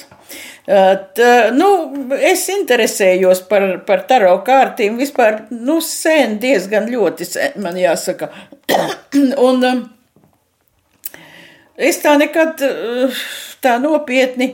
Um, Ja tā taisnība, ja es jau teicu, ka es, man nav ne gaišredzības, nekādas vispār, ne, nekādu pārdabisku īpašību, nav nekā tāda, nekādas auras neredzu un arī nenāk nekādi noslēpumaini sapņi pie manis, ko tūkot nekas tāds. Bet tad, kad es strādāju laikrakstā padomu jaunatne, tad visi mani padotie, ja tā varētu sacīt, bija tieši tajā vecumā kad, nu, kad visas tās emociju un attiecību lietas ir ārkārtīgi svarīgas. Mm, Nu, tur tā, ka, ja tā skatās tā tagad atpakaļ, tad reizēm bija tā, ka tu no rīta atnāc un nav neviens, kas strādā. Ir tie, kas iemīlējušies, tie staigā pa mākoņiem, nu, tiem, kuriem neviena nav, tie ir tādi drūmie atkal, tādi depresīvi, un, nu, vēl ir pamestie, nu, pār pamestie vispār, tie nekam nav derīgi. Nu, un, un, un tur jau tā kā kā neformāli, tu, tu būdams, būdama tur galvenā redaktore, nu, tu taču nevar tādas lietas regulēt, bet tu pati esi kādreiz tajā vecumā bijusi un tam cauri gājusi, un tev tā kā gribās, nu, drusku tur tai meitenei palīdzēt. Un tu sāc viņai teikt, nu, nu nav taču no tā, tur tā, tāda, tur, nu, kam viņš tev vajadzīgs, tur tāds. Nē, tikai tas ar to nošļaupt to bikšu dibenu ir dzīves, tā sakot, galvenais saturs, un ja nav, tad nav. Nu, bet, nu, kā tu cilvēku pārliecināsi? Nu, labi, es saku, es tev izlikšu kārtas. Un, tad liekam kārtas, un kārtīs, protams, viss ir cerīgi, un tu, jūs ziniet, jūs varat ticēt vai neticēt, un uh, tas pareģojums piepildās uz līdzenas vietas jau pēcpusdienā, tur preses nama kafejnīcā, tur lejā tāda bija, viņa jau sēž ar cigareti, un viņai pretī jau ir, jau, jau, jau tas, ko Tā sakot, nu, tā kā saprotat, man bija tāda, tādā ziņā, man atsevišķās aprindās bija ļoti tāda, tāda, tāda, tādas gaišraģis slava. Un reizēm es izpalīdzēju arī kaimiņu Sevetskajam Olaģošu redaktoru. nu, redziet, žurnālisti pret savu kolēģi visādiem vaļaspriekiem, viņi tā izturas ar diezgan tādu, nu, ir, ir tāds. Tad jūs bijāt tā kā tāda, tā kā tagad saka, multilingvistiska zilniece. Nu, vispār jā, tieši tāpēc. Un zinot to, tad kaut kādā tur tieši tajos 90. gadu jau es strādāju sievietē, man piezvanīja žurnāla Ļiļit galvenā redaktore Inna Kaņevska, kas nākusi bija no tās Seviskajā Moloģoša. Un viņa saka, slušai, manai māsai pieder zīlēšanas salons nu, te, tajā Tallinas un Baronas stūrī, un tur zīlniece iet atvaļinājumā tieši vasarā, tur vajag kādu, kurš runā multilingvistiski, latviski un krieviski. Es sākumā teicu, nē, nu, nē, nu ko, nu, es saku, taču nav tas tā kā nopietni. Nu, viņi saka, jā, bet zini, tur, tur kādus dzīves stāstus tur atnesa. Nu, dzīves. Un jūs aizgājāt? Jā, protams, nē, nu kā es tā kā piestaigāju tikai. Redziet, mani interesēja, kas ir tie, kas sniedz šo pakalpojumu, nu tīri kā žurnālisti, un kas to izmanto. Un es tikai pārliecinājos no tā visa savelkot kopā, ar, ka cilvēki dalās divās tādās lielās grupās nosacīti. Ir tie, kuri pieņem lēmumus paši, Un pat tad viņi atbild ar, par tiem lēmumiem, ko nu viņi izvēlas - profesiju, tur, dzīves vietu, vīrieti, sievieti, un kā nu iet, viņi tad paši cenšas ar to tikt galā. Bet ir otra daļa, kura visu laiku ir atkarīga no, no, no citu lēmumiem, un, un tie ir tā, tā galvenā tā, tā, tā, tā auditorija. Nu, redzat, vēl es varētu pateikt tā, ka mēs visi esam ārkārtīgi ma ma lieli materiālisti Līdz tam brīdim, kamēr kāds mūsu tūšs cilvēks nestāv uz dzīvības un nāves robežas. Un tad nu, mums gribas saņemt kādu atbildi no, nezinu, no kurienes, bet tādu vismaz, kas to cerību uztur kaut ko tādu. Un tieši tāpēc arī es nekad negribētu nodarboties ar šīm lietām tā Jo nu, cilvēkiem ir, um, cilvēki ir ļoti dažādi. Tur tie stāsti mm, ir tādi ļoti raivi par to. Nu, es tur tikai, kā es saku, piestaigāju. Es jau nebiju tur, tur pastāvīgā darbā. Mm, bet nu, tieši tas, ko es teicu, arī tādi dažādi, tādi spilgti un interesanti.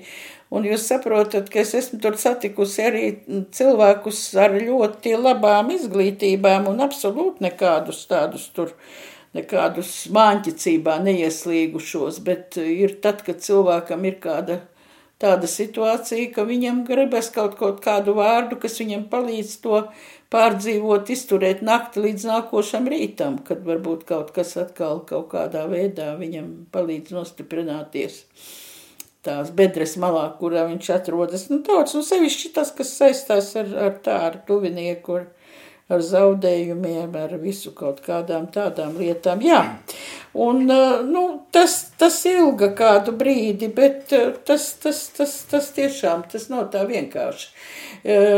Kaut arī es saku, es ne, neiedziļinos un neesmu tāda līdzjūtīgā dvēsele, es neesmu. Es neraudu kopā ar visiem likteņa sistajiem. To es atzīstos, tāda es esmu. Es varu tikai, manis pietiek tikai līdzi just, skumt un būt atbalstam pašam tādam savu tuvāko lokam. Es pasauli lāpīt ne, nevaru un arī nekad to neesmu darījusi. Un manas attiecības ar pasauli ļoti vienkāršas. Pasaule man neko nav parādā, es neko negaidu no pasaules. Un es arī pasaulē neesmu neko parādā. Es esmu parādā tikai saviem tuviniekiem, nu, ar kuriem es esmu kopā, tā sakot, tajā, tajā, tajā, tajā burbulī vai, vai tajā mehānismā, kā to sauc. Nu, lūk, tā. Tā kā Bet vispār, ja man būtu gadu 20 vismaz vai 30 mazāk, tad gan es būtu tādu biznesu uztaisījusi, nevis zīlēšanas salonu, bet sarunas kādas. Negluži tā kā psihoterapiju, un, un kas ir tāda, bet redziet, ļoti daudziem cilvēkiem vienkārši nav ar ko parunāt. Un uh, ir jau tā, tās Japāņu geišas, kuras apmāca, tā sakot, uh, no augstākā līmenī vienkārši klausīties un, un runāt. Un, un, un arī nu, ir, ir tāda cilvēkiem ir vajadzība ar kādu, pret kuru viņam nav nekāda pienākuma. Un arī, nu, kurš var vienkārši, e, protams, tas, ko cilvēks stāsta tev, tas ir viņa paša redzējums, viņa paša, tā sakot, bilde, pašportrets, kuru viņš zīmē. Bet vienalga ir, ir lietas, kuras kādreiz nevienam citam nevar izstāstīt, tikai absolūti svešam cilvēkam. Mūsu sarunā jāpiemina arī teātris, jo Ir bijis viens gads, kad es saskaitīju 17 eh, tautas teātros. Katrā Latvijas nostūrī bija iestudēta kāda jūsu lūga, kāds jūsu stāsts, un 18. gadā arī uz lielas skatuves Daugopils teātra skatuves režisors Oļegs Šapošņikovs eh, iestudē jūsu komēdiju Revidents Silagolā, un arī paklausīsimies mazu reportāžu, kur skanēja kultūras rondo 18. gadā. Mēs esam ieguvuši mobilos tālruņus un modernu satiksmi un ko tik visu vien ne, bet uh, cilvēks jau tā īpaši nav mainījies uh, savā būtībā. Tāpat ir amatpersonām ar uh, savas problēmas bija toreiz un tagad es tā lieku pēdiņās vārdu problēmas, nu, ka uh, gan, zinām, augstprātība, gan, gan, gan vēlme iegūt, kā mēs tagad uh, sakam, bezpeļņas ienākumus un, un Un šis un tas tāds, nu tā, nu Gogolis jau ir pārspīlējis daudz ko, viņš pats to atzīst, un arī, un arī šeit ir pārspīlējumi, arī šajā dramatizējumā, lokalizētajā arī ir pārspīlējumi, un, un pārspīlējumos nevajadzētu meklēt kādas līdzības. Es tur rakstu arī programmiņā, ka, nu nevajag meklēt kādus konkrētus cilvēkus un domāt, ka tas ir vai nu par kādiem Daugavpils amatpersonām vai vēl kādām, nu, tas tak pa cilvēkiem vispār. Tomēr skatītāji kura vidū ir amatpersonas deputāti, projekta apguvēja gan no Rīgas, gan tepat vietējie, šo to redz vairāk. Kāds uzrunāts, nedaudz mūst, cits gatavs veikt revīziju pašvaldības sērniecībā. Tomēr viss tiek uztverts ar smaidu. Kā jūs kā ierēģi, arī kā pašvaldības vadītājs vērtējat šo izrādi, cik aktuāli ir? Te kolēģiem jau saku, vajadzēs laikam braukt eh, atkritumu urnas paskatīties pagastos, jā, šovakar nebūs gulēšanas. Nē, nu kā to, kā to uztver, jā. Ja ar humoru tā var būt, ja bez humora visādi gadās, jā. Nu, pirtis jau, pirtis jau taču netaisam. Sāpīgi klausīties. Nē, nav sāpīgi. Nē, tāpēc, ka Nevienmēr ir jānotic, ko, ko rakstīja Gogulis, nevienmēr ir jānotic, kas ir šajā izrādē, bet katrā ziņā šeit pasmieties par notiekošu apkārt, tas ir labi. Jā. Nu, varbūt kaut kādas ir nianses, kas, kas parādās mums, domāju, pašvaldībās reizēm, bet, bet nu, Protams, tāda patīkama, viegla komēdija izrāda. Viegli pasmieties, paskatīties uz sevi no malas. Jā? Lūk, šāda reportāža 18. gads. Nu, kā lai te nesmējas pašvaldība, pašvaldība darbinieki noskatās jūsu izrādi un, un tā kā tramīgi paliek. Nē, nu jā, redziet, es jums teikšu tā, ka tas nebija pirmā mana sadarbība ar Daugopils teātri. Pirms tam man ir bijusi monoizrāde latgaliski Maija Korkliša mm, un, un, un Pēters Krilovs bija ar, arī tātad um, Rūžas bildu golūs. Un uh, pirms vēl bija sapnis vasaras naktīs. Esmu Šekspīru lokalizējusi. Tad nāca arī evidents, tad pagājušā gadā sunu ciema zēni Andreju Upīti. Nu, vārdu sakot, uh, man ir jautājuši, vai pie manis tad uh, nenāk tie, tie klasiķi izteikt kaut kādas pretenzijas. Nu, nē, tā nav bijis, jo es ļoti godīgi visiem saku, ka neko es neesmu izdomājusi pati. Es tikai tiešām viņu šos darbus lokalizēju, un uh, man ir arī, uh, man ir arī uh, scenārijs Tumsas puķe, vienam no pirmajiem latviešu seriāliem. Tad, ko... Režisora Virģīnija Leja. Jā, jā, jā, un tad kopā ar Jāni Lejiņu mēs esam arī vienu, vienu seriālu tādu. Nu, līdz ar, ar to man ir arī autortiesība bezgalības balvas tieši par, par tiem amatēru teātru. Un ja man, nu, tā kā jāsaka, patiesībā es esmu tāda profesionāla šizofrēniķe. Jo, nu, kas ir šizofrēnija? Šizofrēnija ir personības dalīšanās. Un tad, kad es rakstu sevišķi šos dramatizējumus, tad es esmu gan vīrietis, gan sieviete. Nu, tajā dialogā, kā viņi sarunājas, es esmu gan jauns, gan vecs, gan, gan labs, gan slikts. Nu, tad, vārdu sakot, man patiešām tas, tas viss man ir. Jā. Monika, mēs šodien esam runājuši gan par dzīves rūkumiem, gan jautriem brīžiem. Esam daudz arī smaidījuši un smējušies. Un, un sarunas noslēgumā es gribu atskaņot vēl vienu ierakstu no 2018. gada. Tas ir fragments no uh, radio naba raidījums Zvaigznīšu brīdis. Gribēju zināt, kādā sakarā un veidā jūs tur esat iekļuvusi. Bet, uh, Raidījumā skan tikai dziesmas par Moniku, indiešu, bavāriešu, maķedoniešu, filipīniešu, zviedru, slovēņu un arī latviešu valodās. Tad no nu, mazs fragments dzirdēsim uh, dziesmu par Moniku, un arī jums tur ir kāds stāsts. Vakarā no darba mājā dodos es caur pilsētu Atceros, kur kopā gājām abi mēs ar Moniku, un kad izgai saules starī ieledzu es svecīti, reizēm gribētos man arī. Būt par kastāņa vecīti, Monika, ai Monika, mans dzīves ideāls. Monika, tu esi man kā pipari un sāls. Monika, tevi mīlēšu līdz sirds man kukstēts tās. Monika, tu mūžam būsi mans pīč un ananās.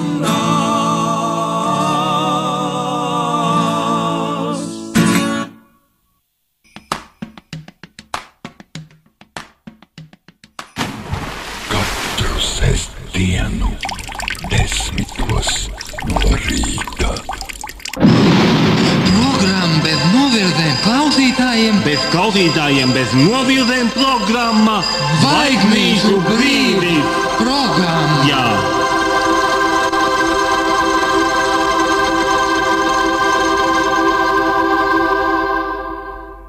Nu, par Latviju, nu, man liekas, ko es jums stāstīšu. Visiem mums ir tā sajūta, ir, ir, ir vienāda. Nu, es, ziniet, tīri tā kā tajos aktīvās žurnālistikas gados, es nu patiešām, man liekas, ir grūti atrast vietu, kur es nebūtu bijusi. Pat Matīšos es esmu vienreiz bijusi, bet tikai par tumsu. Nu, tad pie šī stāsta es arī gribu palikt par tiem matīšiem. Jūs esat bijusi pat matīšos, bet pat tumsa. Ko jūs tumsā darījāt matīšos? Nē, ziniet, es pēc tam matīšos biju arī pa gaismu. es biju matīšu bibliotekā. Tas bija pat netik sen pirms, pirms Covid tieši tādā. Nē, es, nu, protams, vēl kaut kādas vietas varētu atrast, kur, kur, kur, kur es neesmu bijusi. Mm, piemēram, tagad, nu mēs ar meitu bijām Latgalē, manā dzimtajā pusē, un tur braucām no, uz manu dzimto pusi no prēļiem cauri krācei. Es krācē nebiju bijusi, tagad es arī krācē esmu bijusi. Nu, jā, nu, protams, ka tu jau dzīvo šajā pasaulē tādu lielāku laiku, un tas darbs ir saistīts arī ar uh, vietu un cilvēku meklējumiem, dažādiem un atradumiem. Un tad tu tur, tur, tur nokļūsti. Man patiesībā Latvijas uh, geogrāfija ir tāda ļoti skaidra. Tāda, un, un, piemēram, nu, kurzemē un latgalē man nav vajadzīgs navigators. Es varu izbraukt tur, zinu, kur kādas, kādas vietas ir. Bez veiza, ja kā tagad saka. Jā, jā, jā, nē, neko tādā. Nu, man būtu varbūt ar zemgali tāda problēma. Zemgali es pazīstu vismazāk kaut kā tā, tādās no tām. Um, bet, um, jā, tāds. Um, Žurnālistika tādā ziņā ir pateicīga profesija. Un es sev citu uz pleca ļoti bieži par to, ka tad, kad es uh, sāku strādāt padomu jaunatnē pa galveno redaktoru, tas toreiz bija, bija liela sieva, kā saka, 78. gadā. Un es varēju tajā avīzē rakstīt, par ko nu es būtu gribējusi. Es varēju sākt intervēt aktierus un režisorus pie visi ņemās, bet es to nedarīju. Es joprojām paliku pie savas provinces, pie saviem, kā es saku, pie saviem pāķiem. Paliku pie tām savām liestēm, ar ko es biju sākusi. Un tas man ir šodien, nu, tas ir mans tāds kapitāls, es pazīstu to vidi. Un arī, arī tieši tāpēc es, es ļoti skaidri redzu arī šodien partiju programmās, kuri tad peld, kur ir tie saucamie urbānie, tā sakot, tādi tagad viņi visiem visu kaut ko tur, ko tur stāsta, ka viņi absolūti nepaz, viņi pazīst varbūt lielpilsētas, Rīgu, nu, varbūt kādu mazāku pilsētiņu. Jūs sarunas noslēgumā atgriezāties pie šodienas, un es vēlos jūs uzrunāt, un vēlos, lai jūs uzrunājat arī mūsu klausītājus, domājot par šodienu, gan par vēlēšanām, gan par to, kas būs rudenī, ziemā ar apkuri un rēķiniem, gan par to, kas notiek Ukrainā. Kāds būtu jūsu uzmundrinājums, jo, protams, daudzi ar, ar lielām bažām un neziņu uz to visu raugās? Zinat, tad es neko jaunu nepateikšu. Kādreiz, laikam, māte Terēze ir teikusi, viņai tur jautāja, kā tur to pasauli darīt labāku. Viņa teica, ejiet mājās un mīliet savus tuviniekus. Protams, mani ir visas bažas par visu to pašu, par ko visiem pārējiem cilvēkiem. Bet es domāju, ka uh, mēs slikti izmantojam nu, to, to tagadnes emocionālo resursu, kāds mums ir. Šobrīd ir vasara. Ir, tā sakot, ja vien mēs varam vēl paši uz savām kājām pārvietoties, ja mēs no rīta pamostamies pie pilna prāta, ja mums ir brokastis un būs arī vakariņas, mēs zinām, tad tagadni, izbaudīt tagadni. Par pagātni, nu ko mēs varam stāstīt, jā, kādas bija tā, tie, tās grūtības, kādi tie rūpesti, kāds, kādas bija tās šausmas. Bet, nu, kas ir bijis, to nomainīt nevar. Par, nāko, par nākotni mēs nezinām. Mēs nezinām, vai nākotni, nu, ziniet, savos 80 plus man jāsaka, es absolūti nekoķetēju ar to, bet, nu, Mēs nevaram zināt, un arī cilvēkiem, kā tas, kā tas būs. Bet šo tagadni izbaudīt, lai, lai, lai kā tas būtu. Un mēs bieži vien arī mūsu cilvēki, tie, kas aizbrauc uz ārzemēm, sevišķi kaut kur dienvidos vai dieniņā, kā tur tie grieķi vai kādi tur itāļi, viņi tur sēž līdz melnai naktī, tur, tur ar visām tur ģimenēm, tur pie tā galda un, un ko nu tur viņi, un viņi absolūti tur nav nekādi tur ne bagātie, ne tur kaut kādi, bet viņi, nu tā tā dzīves tāda, tāda, tāda to, ko mums, kā saka, ko tas Dievs ir devis. Viņš mums ir devis šo dzīvi. Ja? Un dzīves jēga ir pati dzīve. Es atkal tagad citēšu. Un es esmu tiešām pateicīga. Es nezinu, redziet, es, kā es saku, es esmu cēlusies no katoļiem, bet man godīgi jāatzīstās, nu, ka es būtu tāda briesmīgi tāda šīs, šai konfesijai ļoti daudz devusi ar savu kaut kādu ticību. Nē, nu, tad, kad ir slikti, tad es kā daudz atgriežos pie Dieva.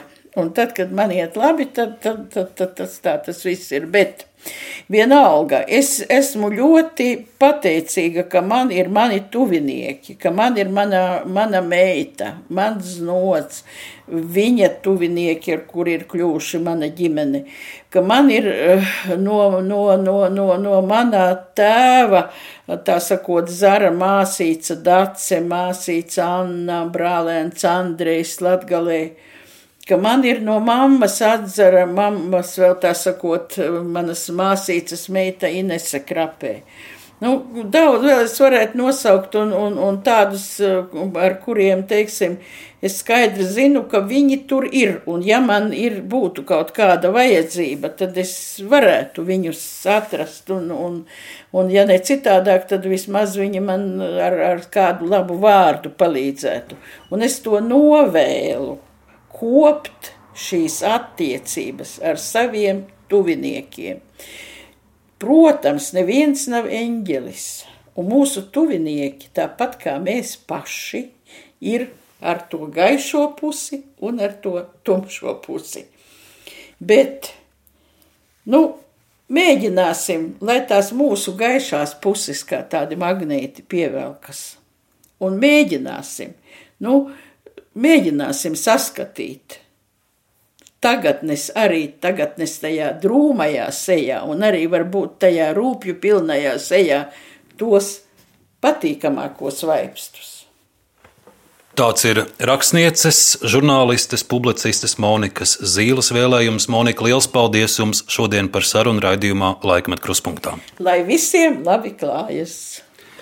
Pie mikrofona bija Arnēs Krause, raidījuma producente Ilze Aginta par skaņu rūpējās Reinis Budze.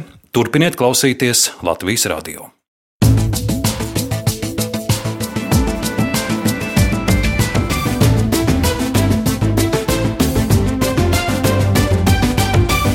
Laikmeta krustpunktā.